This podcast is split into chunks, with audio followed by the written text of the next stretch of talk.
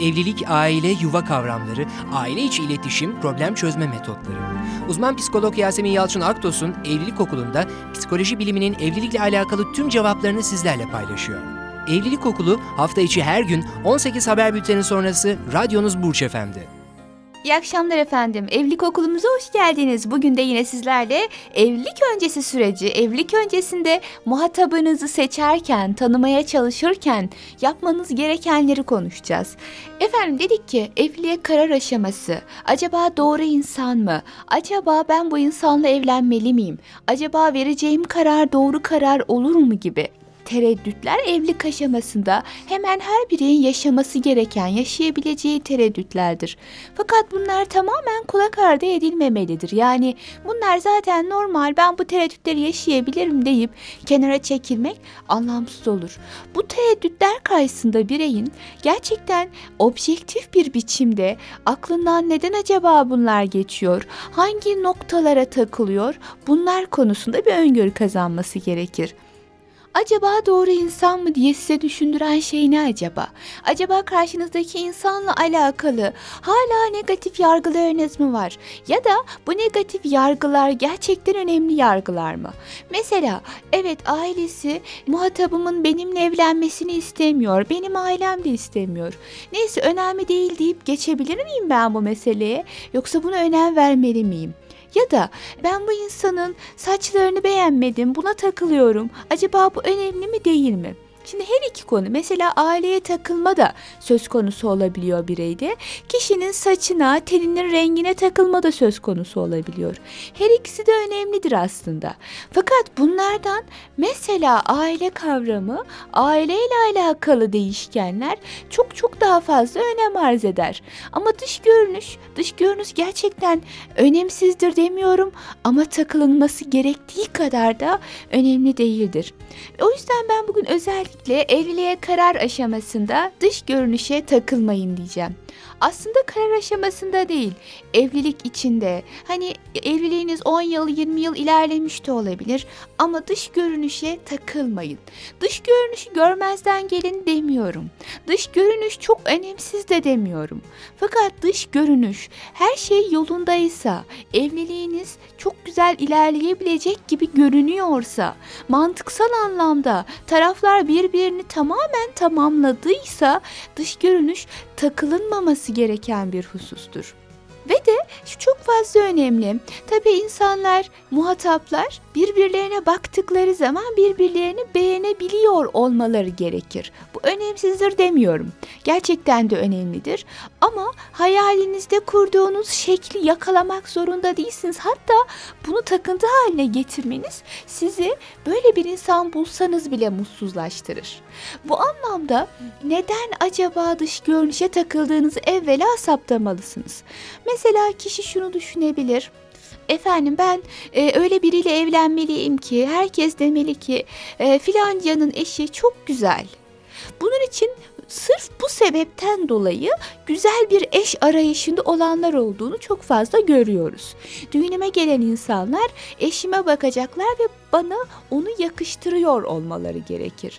Adeta eşinin fiziksel görünümünden dolayı gurur duymaya çalışan, bundan dolayı da birçok insanı daha tanımaya çalışmadan eleyen o kadar çok cahil davranışlı gençler var ki böyle bir tepkinin evlilikleri yıprattığını görüyorum. Bu nedenle evlilikler kurulabiliyor. Çok güzel birini görüyorsunuz, çok yakışıklı birini görüyorsunuz. Tamam biz evlenelim diye karar veriyorsunuz. Sonra evleniyorsunuz. Amacınıza ulaştınız mı? Ulaştınız. Çünkü amaç neydi sadece? Çok güzel biriyle, çok yakışıklı biriyle evlenmek. Başlangıçtaki amaç bu kadardı. Böyle birini buldunuz ve evlendiniz. Fakat bu evliliğin gayesi değil. Bu evliliği kapsayan, evliliği içeren, evliliğin kutsallığını ifade eden gaye değil. Bu yüzde bir parçayı ifade eden, önemsiz olmayan ama yüzde birlik kadar önemli olan bir ayrıntı ki kişi bu yüzde birliği aldı, hayatının evliliğinin gayesi yaptı, böyle birini de bulur bulmaz evlendi. Bunu farz edelim. Hayalindeki gibi işte efendim incecik fiziği olan bir genç bayanla çok güzel, çok alımlı bir genç bayanla evlendiğini düşünelim beyefendinin. Tüm hayali de buydu ve gerçekleşti. Hayal ettiği gibi desinler diye evlenmişti ve desinler gibi de oldu. Herkes dedi ki aa ne kadar güzel bir kız. Ne güzel bir kızla evlenmişsin dediler ve kişi bu duyguyla da tatmin oldu. Peki sonra ne olacak? Varsayalım evlendiği kişi yakın zamanda kilo almaya başladı. Ya da çocukları olduktan sonra fiziğinde bir değişim oldu. Ya da yüzünün güzelliği yaşadığı bir rahatsızlıktan dolayı bozuldu. Gaye haline getirilen bu durum, bu pozisyon değişti. O zaman bu evlilik nasıl tekrar o aynı dinamizmiyle devam edebilir? Edemez ki. Ki bununla alakalı çok fazla örneklerle karşılaşıyorum. Evlilikte problem yaşıyor çift. Sonra bakıyorsunuz hani bu problem olarak sunulan e, ayrıntıları inceliyorsunuz ama gerçekten çok ciddi ayrıntılar değil. İşte yemeği e, bazen zamanında yapmıyor ya da e, eve geç gelebiliyor bazen ya da bunun gibi bana iltifat etmiyor. Peki bunlar sizi boşanmaya götürüyor olabilir mi? Aslında çok önemsiz ama neden bilmiyorum. Ben boşanmak istiyorum diye düşünebiliyor insanlar. Biraz daha özüne iniyorsunuz.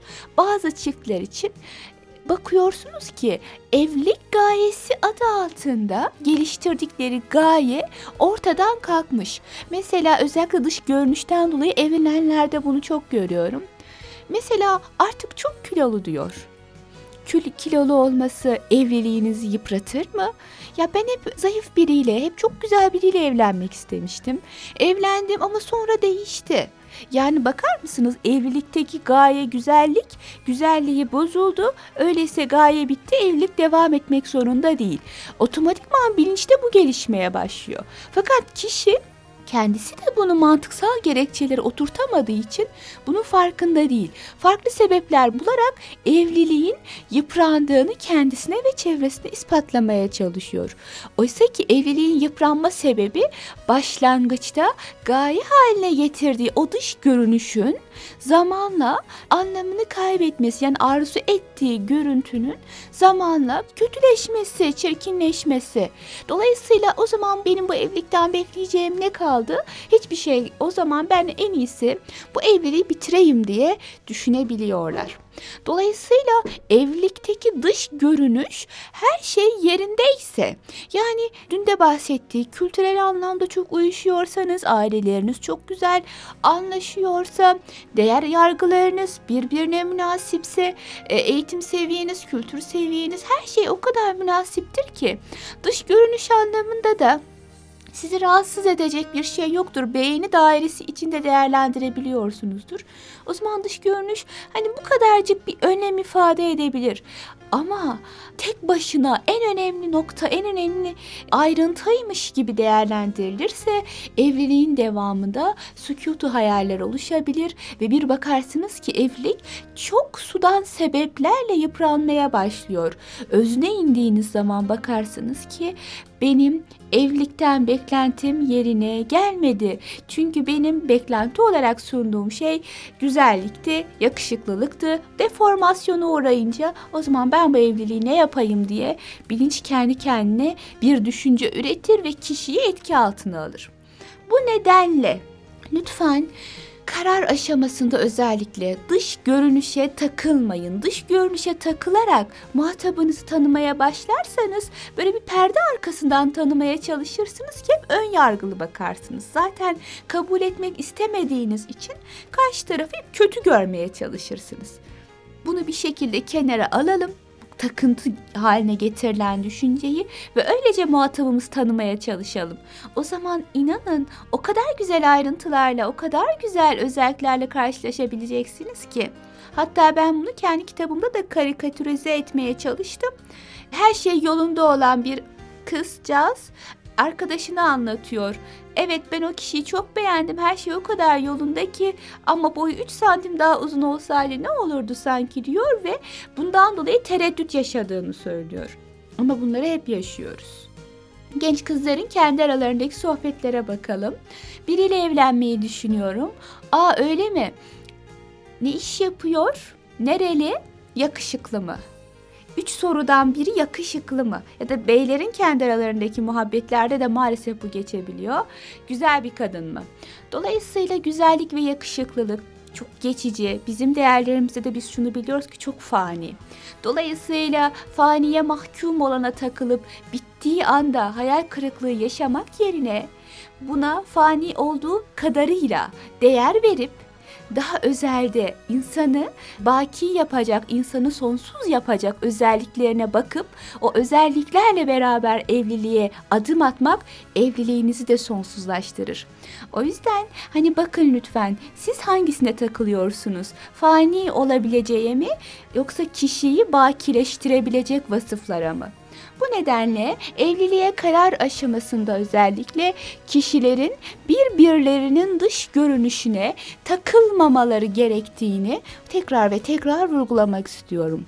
Birini tanıdıysanız boyu kısaymış, yok boyu uzunmuş, yok eli büyükmüş, yok burnu şöyleymiş, yok teninin rengi şuymuş. Bunlar sadece sadece efendim çevrenin dayatmasından dolayı ya da toplumsal baskıdan dolayı ya da kişiliğimizdeki zaaflardan, nefsimizin aldatıcılığından dolayı içimizden gelen düşünceler, sözler. Beyni daireniz içinde ise, mantığınız uyuyorsa, mantığınız için bir takım ayrıntılara hafiften değindik. Kültür, aile, değerler gibi her şey yolundaysa o zaman dış görünüş bir süre sonra önemini kaybeder, takılmazsınız. Hep şunu söylerim ben insanlara.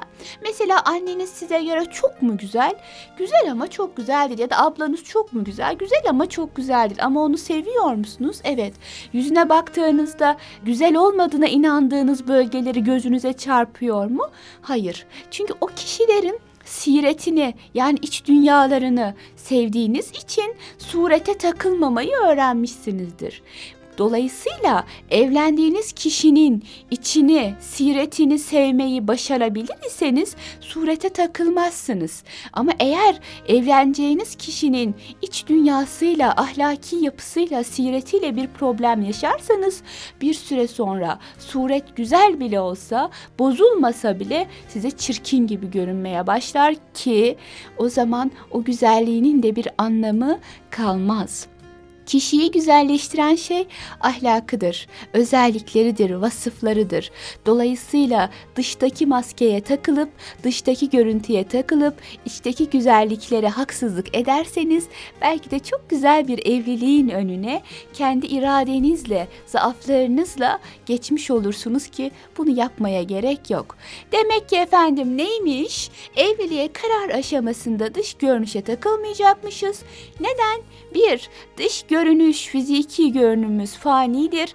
Fani olan özellik baki bir evliliği kazandırmaz. Biz sonsuz bir evliliği, güzel bir evliliği istiyoruz. Öyleyse baki olan vasıflara takılalım. Her an o güzellik bitebilir. Biterse de evliliğe dair geliştirdiğiniz o fiziksel görünüm gayesi anlamını yitirdiğinden dolayı evlilik zarar görür. Bir diğer sebebi neymiş? Kişiyi güzelleştiren şey ahlakıymış. Kişi eğer ahlakını ön plana çıkartabilirse en çirkin gibi görünen birey bile e, çok güzel bir surette görünür ki muhatabınız da siz böyle görmeye başlarsınız. Sizi güzelleştiren, eşinizi güzelleştiren vasıfları ve iç dünyası, sireti, sureti güzelleştirir. Bunu asla unutmayın diyor ve yarınki programımızda görüşmek üzere diyorum efendim. Evlilik, aile, yuva kavramları, aile içi iletişim, problem çözme metotları.